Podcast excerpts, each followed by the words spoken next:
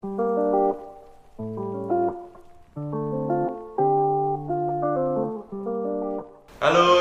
eh, selamat datang kembali di podcast Hidayah Tuna yang judul acaranya Dialog Hidayah Tuna. Kali ini kita kedatangan tamu, eh, tamu di sini eh, sebagai seorang penulis. Nah, alangkah baiknya kita kenalan dulu sama narasumber kita kali ini. Nah, monggo saya persilakan untuk nama, terus kegiatannya apa, seperti apa gitu. Oh, ya. Ya, eh, Assalamualaikum warahmatullahi wabarakatuh. Eh, nama saya Hilful, Hilful Fidul nama lengkapnya. Saya asli di dari NTB, eh, Bima. Eh, sehari-hari kegiatan saya nulis, Nulis. nulis di beberapa platform media lah. Hmm. Eh, baru kapan ya? Baru akhir tahun kemarin itu nerbitin buku Nerbitin buku. soal sejarah eh, Islamisasi eh, di Indonesia Timur Hmm. di daerah Indonesia Timur itu ya tertarik aja lah di nulis Oh tertarik nulis untuk apa penyebaran Muslim itu, ya? penyebaran Islam di ya di Indonesia, Indonesia, Timur. Timur, Oh. Jadi istilah umumnya sih, istilah umumnya itu apa sih sebenarnya untuk penyebaran Islam itu seperti apa gitu? oh ya kalau sebenarnya ini saya cerita tertarik Iya. ketertarikan ya apa-apa. Eh, satu kalau kita lihat literatur sejarah eh, apa namanya sejarah eh, Islamisasi di Nusantara itu eh, sangat jarang orang nulis soal gimana kalau Islamisasinya di daerah kita sebut daerahnya Jawa, Mhm. tapi gimana Islamisasinya di daerah timur itu bagaimana Mhm. gitu. Karena eh, rata-rata kan kita tahu sejarah kita itu kan eh, ditulis seakan-akan narasinya satu. Iya. Kalau Islam Nusantara itu kan ya Dari kita Jawa. juga kena dong Iya. gitu loh maksudnya. Nah, Biasa- biasanya itu kan Hmm. persepsi orang kan, wah Islam Nusantara pasti dari Jawa, pasti Wali Songo gitu. ah iya benar. Nah itu itu yang membuat apa ya, yang membuat daya tarik pribadi Mhm. Kenapa saya harus nulis soal Islamisasi di Indonesia Timur itu kayak bukan apa ya bukan bukan kritik bukan apa tapi nambah hasanah Hmm. bahwa ada juga Islamisasi di Indonesia Timur. Oh. Nah ini buku ini menggambarkan sekilas lah sekilas Bentar. soal Islamisasi di Indonesia Timur soal peta dan jejak Mhm. Nah lantas eh, secara garis besar itu proses Islamisasinya seperti apa ya di Indonesia Timur itu? oh ya eh, sebenarnya itu tuh eh, asumsi buku ini nih berawal dari kira-kira eh, Wali Songo yang sering dibicarakan dalam literatur Islam Nusantara yang yang masih teritorinya masih Jawa lah ya. Iya.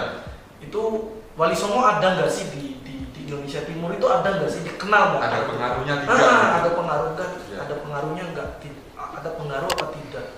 Nah, di sini nih saya nemukan sebenarnya itu tuh Wali Songo yang kita sebut itu masih ada pengaruhnya. Hmm. Nanti Islamisasi itu sebenarnya itu nyambung itu kedua hal. Satu nyambung ke sanat keilmuan, Iya.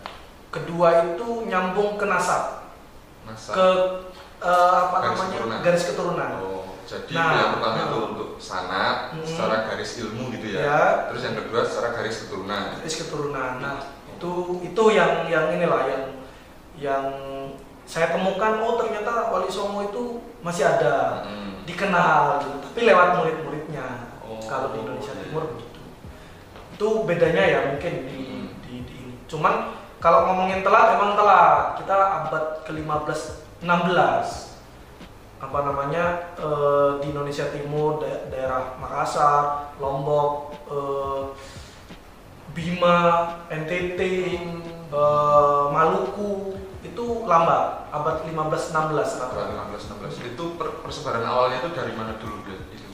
Kalau kalau penyebaran awalnya itu tuh gini, makanya saya sebut tadi itu kan dia dapat dari eh, sanat dan nasab. Hmm. Nah kebetulan di Indonesia Timur itu kalau teman-teman dari Indonesia Timur mungkin yang belajar sejarah tahu banget lah soal eh, tokoh penyebar Islam di Iya. daerah sana. Misalnya kita mengenal tiga dato. Datuk. Ah, kalau bahasanya aku nggak tahu ya logat Makassar gimana. Iya. Tapi eh, orang kenalnya dato telu, telu, ya, telu, gitu. telu. Dat, dat, maksudnya tiga dato. Oh, tiga datuk. Telu. Telu, ya. Telu. Ah, telu ya. Itu bahasa mana? Bahasa daerah Makassar. Bahasa daerah Makassar. Makassar. Berarti Ah. tiga datuk gitu. tiga datuk. Nah, tiga datuk itulah yang punya jasa menyebarkan Islam di Indonesia Timur. Berarti dari penyebarannya itu dari situ dulu, Dari situ dulu. penyebaran tiga datuk itu, Mhm. terus kemudian menyebar ke timur lagi. Ya, nah, da- enggak datuk itu gini. Datuk itu muridnya Sunan Giri. Oh, muridnya Gitu. Sunan Giri. Ah, muridnya Sunan Giri. Jadi abad ke-15 ke-16 menyebarkan Islam di di daerah timur. Oh, berarti istilahnya dari garis itu ya, garis keilmuan gitu ya. Mm-mm, dari garis murid, keilmuan. Mm-mm. dari garis murid eh, Sunan Giri, Mm. terus sampai ke Datuk Tiga itu, Iya. mm. terus setelah itu menyebar ke lebih ke timur lagi. Iya, lebih ke timur lagi gitu. Hmm. Itu makanya di buku ini nih mau menu- me- me- memberi da, memberi data lah karena basisnya beberapa naskah ya, naskah Iya, iya. naskah manuskrip manuskrip Ya, mas, manuskrip sejarah. ah, karena sejarah Kita nggak bisa main-main. Takutnya kan, oh ini merubah sejarah. ah, ah, gitu. takutnya gitulah ya Iya. itu apa namanya eh,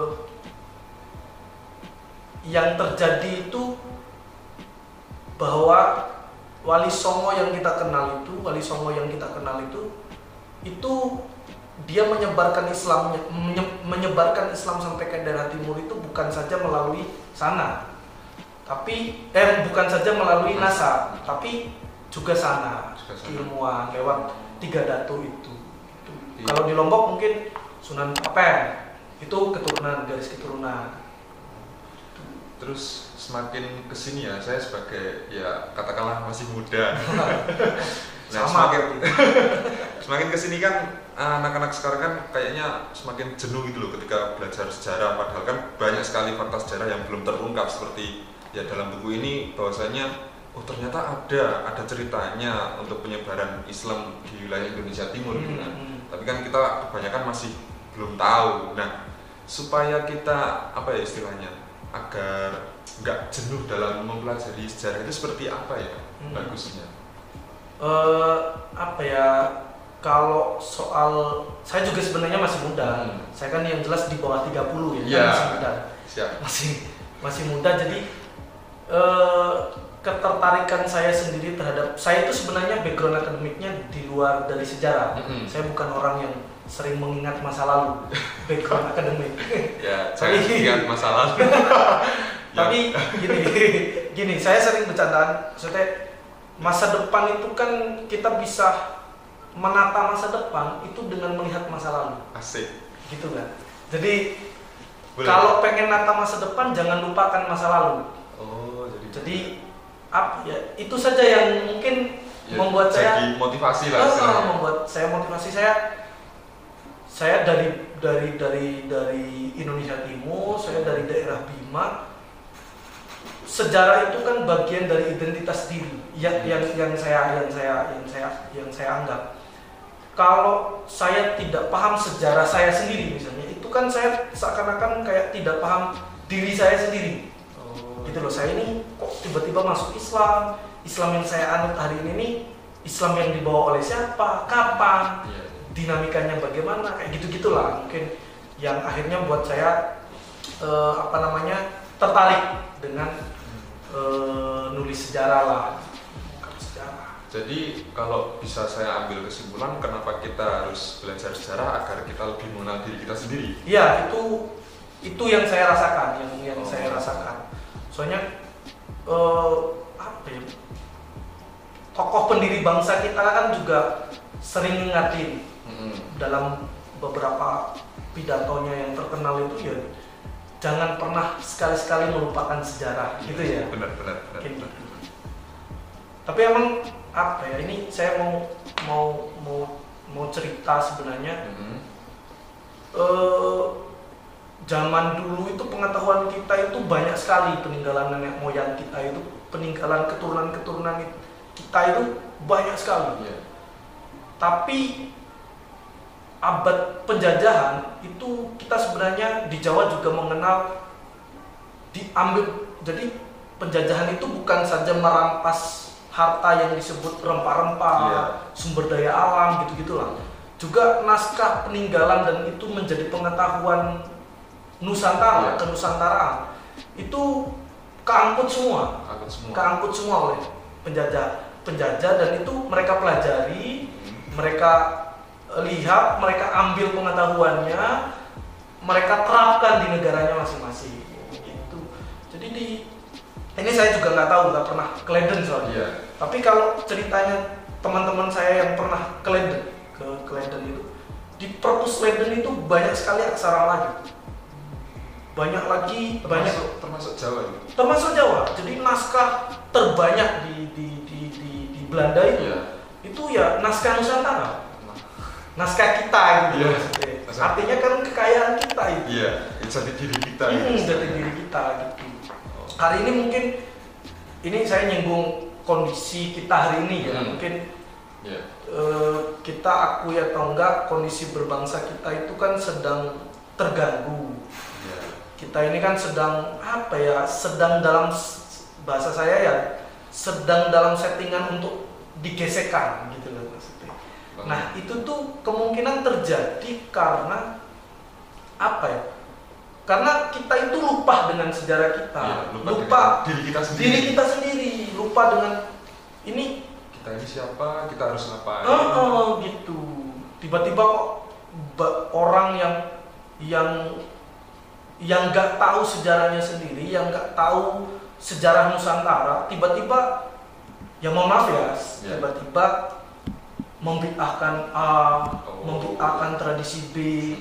yang padahal dalam naskah kita itu ada sejarahnya. Sudah, sudah ada. Ah, sudah ada dari dulu dan apa ya filosofis sekali lah Iya. gitu lah. Ya itulah pentingnya belajar sejarah biar anda tidak membid'ahkan orang lain Ah. salah satunya Ah. karena setiap apa ya setiap apa yang kita lakukan entah itu tradisi ataupun secara kultural itu pasti ada landasannya Ah, pasti ada landasannya Ah. entah itu dari landasan yang berdasarkan A B C D sampai yang filosofis itu Ah, ada ada, ada, sangat ada. Makanya kemungkinan orang yang mudah membid'ahkan tradisi kenusantaraan kita. Itu satu mungkin mungkin juga tidak selesai ngajinya. Kedua, saya tidak berani bilang ini mungkin ya ini kan Ya. saya bilang mungkin. Mungkin tidak selesai ngajinya Ya. satu. Kedua sekaligus tidak selesai dia memahami sejarahnya sendiri. Oh iya pak. Itu kemungkinan. itu kemungkinan. Kemungkinan kenapa kok sering bid'ah? Nah, Terus kan berarti kan ada orang-orang seperti itu kan. Ah, nah, iya. baiknya tuh kita menyikapi orang seperti itu bagaimana gitu baiknya. hmm, jadi Apakah kita apakah kita memberitahu bahwa sejarahnya ini ini ini ini, ini atau apakah baiknya kita membiarkan atau apakah kita baiknya debat kusir atau gimana? Itu bagusnya gimana ya? eh, kalau saya sendiri sih gini kemarin itu dengan keluarnya buku ini nih berbarengan dengan meledaknya film jejak hilafah di Oh iya. Nusantara. Saya diajak sama teman-teman untuk ngobrol soal jejak hilafah di Nusantara dan rata-rata emang yang disinggung itu adalah kerajaan atau kesultanan-kesultanan di luar Jawa rata-rata. Salah satunya kesultanan saya, Kesultanan Bima.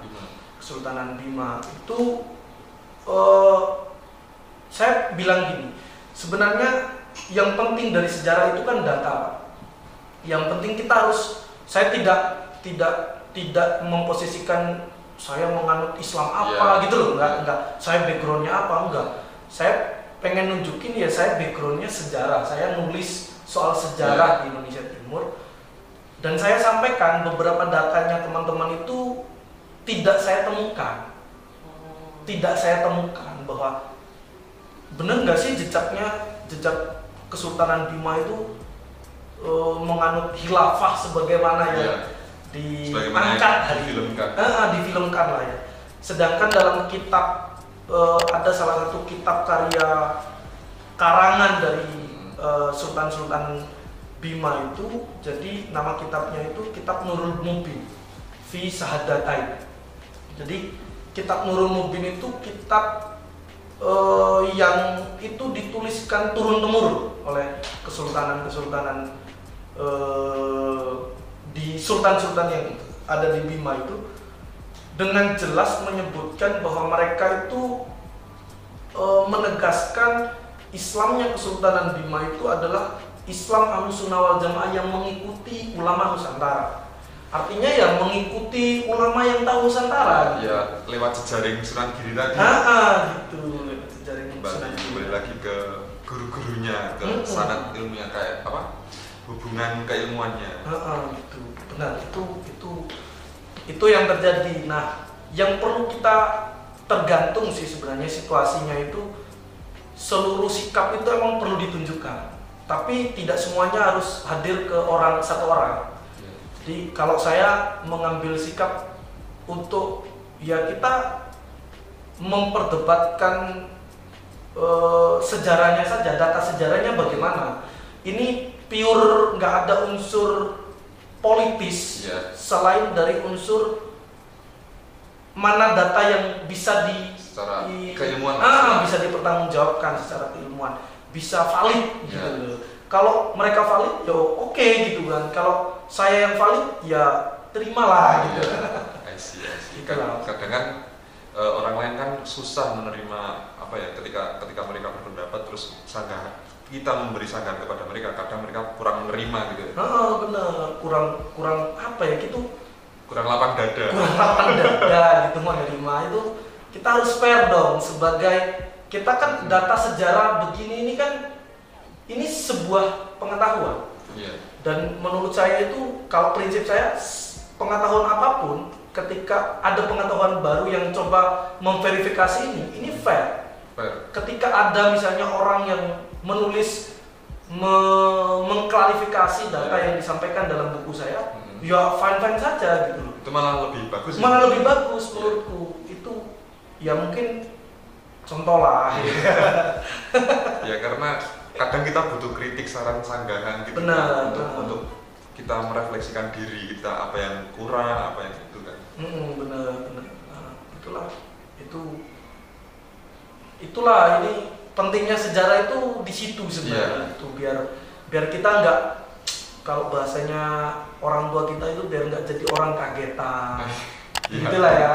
Bener. pak di Jawa itu biasanya apa ya? Jangan jadi iya orang kagetan. kagetan jangan ojo ojo dume ojo dume gitu gitu lah ya. Bener bener Nah, ah, itu apa ya sebenarnya? Ngasih tahu jangan lupa dirimu, Hmm. jangan lupa bisa jadi dan jangan lupa dirimu ya jangan lupa sejarahmu, Iya. Jangan lupa nenek moyangmu yang ngasih nyadrang, yang ngasih sedekah laut, yang ngasih apa pun lah tradisi-tradisi yang hadir hari ini, yang bisa menyatukan masyarakat. Yang bisa nyatuin kita, itulah. Itu penting. penting. Nah eh, terkait kritik, saran, sanggahan, nah, ada nggak dari itu dari masnya untuk eh, anak-anak generasi yang akan datang ini? Saran untuk ya supaya agar lebih mengenal dirinya sendiri. Kan kan umur-umur saya ke bawah Hmm. itu kan lagi wah pencarian jati diri. Istilah aku mau nyari passion. Aku passionnya jadi youtuber dan lain-lain nah, ya, ya, ya. itu baiknya gimana? Eh, yang berkaitan dengan sejarah. Oh ya, jadi kalau saya sendiri ya, setahu saya itu dari dulu itu pengetahuan yang seakan-akan wajib untuk dimiliki oleh profesi apa pun. Itu menurut saya itu emang sejarah. Dia seperti menunjukkan apa pun yang hadir di depan di depan mata kita, apa pun yang kita lakukan selama ini, ini tidak lepas dari sejarah. Bahwa ada pengetahuan, ada tradisi yang itu turun temurun diteruskan iya dan itu ada landasan jelas yang tidak sama sekali apa namanya eh, tidak menurut saya itu ya tidak kalau ngomongin agama ya tidak melanggar syariat Iya. itu apa masalahnya gitu nah itu penting mau jadi youtuber mau jadi apa pun saya kira itu penting untuk mengenal bangsa kita sendiri sebagai Iya. apa ya youtuber Indonesia gitu loh jadi dia menunjukkan Indonesia itu ini loh gitu Iya. loh. kayak gitu jadi kalau mau jadi apa pun loh konten kreator atau apa gitu youtuber apa jadi Penulis. penulis gitu gitu lah jadi Nulis. sejarah itu apa ya jadi pengetahuan yang Hampir kiranya berhubungan dengan semua ilmu pengetahuan. semua ilmu pengetahuan dan kayak pengetahuan dasar yang wajib dimiliki oleh siapa pun sih Oh, iya. menurutku dan terserah lah nanti mau ngambil profesi apa terserah nggak jadi masalah gitu Bahkan kamera ini ada sejarahnya. nah, Kamera ini ada sejarahnya. nah, Kamu sejarahnya gimana? iya gitu setiap bangunan ada sejarah gitu Ini bukunya judulnya Jaringan Ulama dan Islamisasi Indonesia Timur. Peta dan Jejak Islam di Nusantara. Bisa didapatkan di mana ini?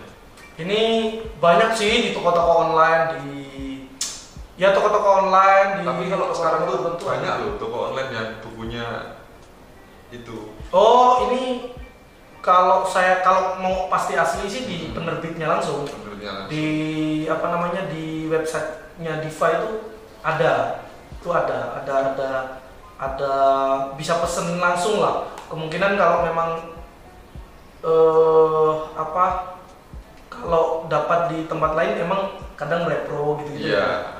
Tapi ya, Cetakan ulang itu. sedangkan bulan gitu. Jadi emang kalau saran saya sih ya di penerbit dan toko-toko yang kita sudah pastikan dia menjual yang asli. Itu saja sih. Jangan nyari PDF. Jangan kan Jangan nyari PDF. ya itu sih soalnya itu kayak baca ya kayak nyuri. Heeh, nyuri ya ya itu kayak apa ya nggak menghargai pengetahuan lah. Menghargai nggak menghargai penerbit, nggak menghargai penulis. Kalau teman-teman menghargai pengetahuan ya hargailah setiap kerja-kerja pengetahuan. Ya salah satunya yang nerbitin buku, yang ngedit, yang layout, gitu-gitulah ya. Ya, kurang lebih kayak di industri kreatif. Naikkan gaji editor. Wah ini Su- Suara rakyat ini. Oh, aspirasi. Ya, kita aspirasi di video ini. Kasih.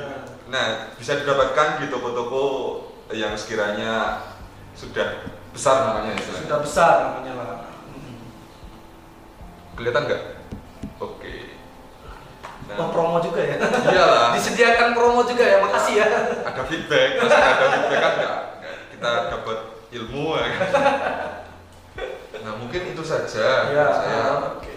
tadi sarannya buat anak-anak yang masih muda dan muda banget ya kenali diri anda sendiri itu aja itu aja mungkin itu saja kita ada salam nggak ini Eh, terserah mana salam yang apa ya yang bagus ya salam. oh ini salam sejarah Ah, ah. Oke, oke. jangan lupakan dirimu Oh. siap eh jangan atau apa itu aja ya. Oh, Oke, boleh boleh. apa ini salam sejarah terus kita Hmm. bilang jangan lupakan dirimu Hmm. salam sejarah Jangan lupakan dirimu. Terima kasih. Tunggu uh, episode selanjutnya, eh, video selanjutnya di Dialog Kita ya itu Bye.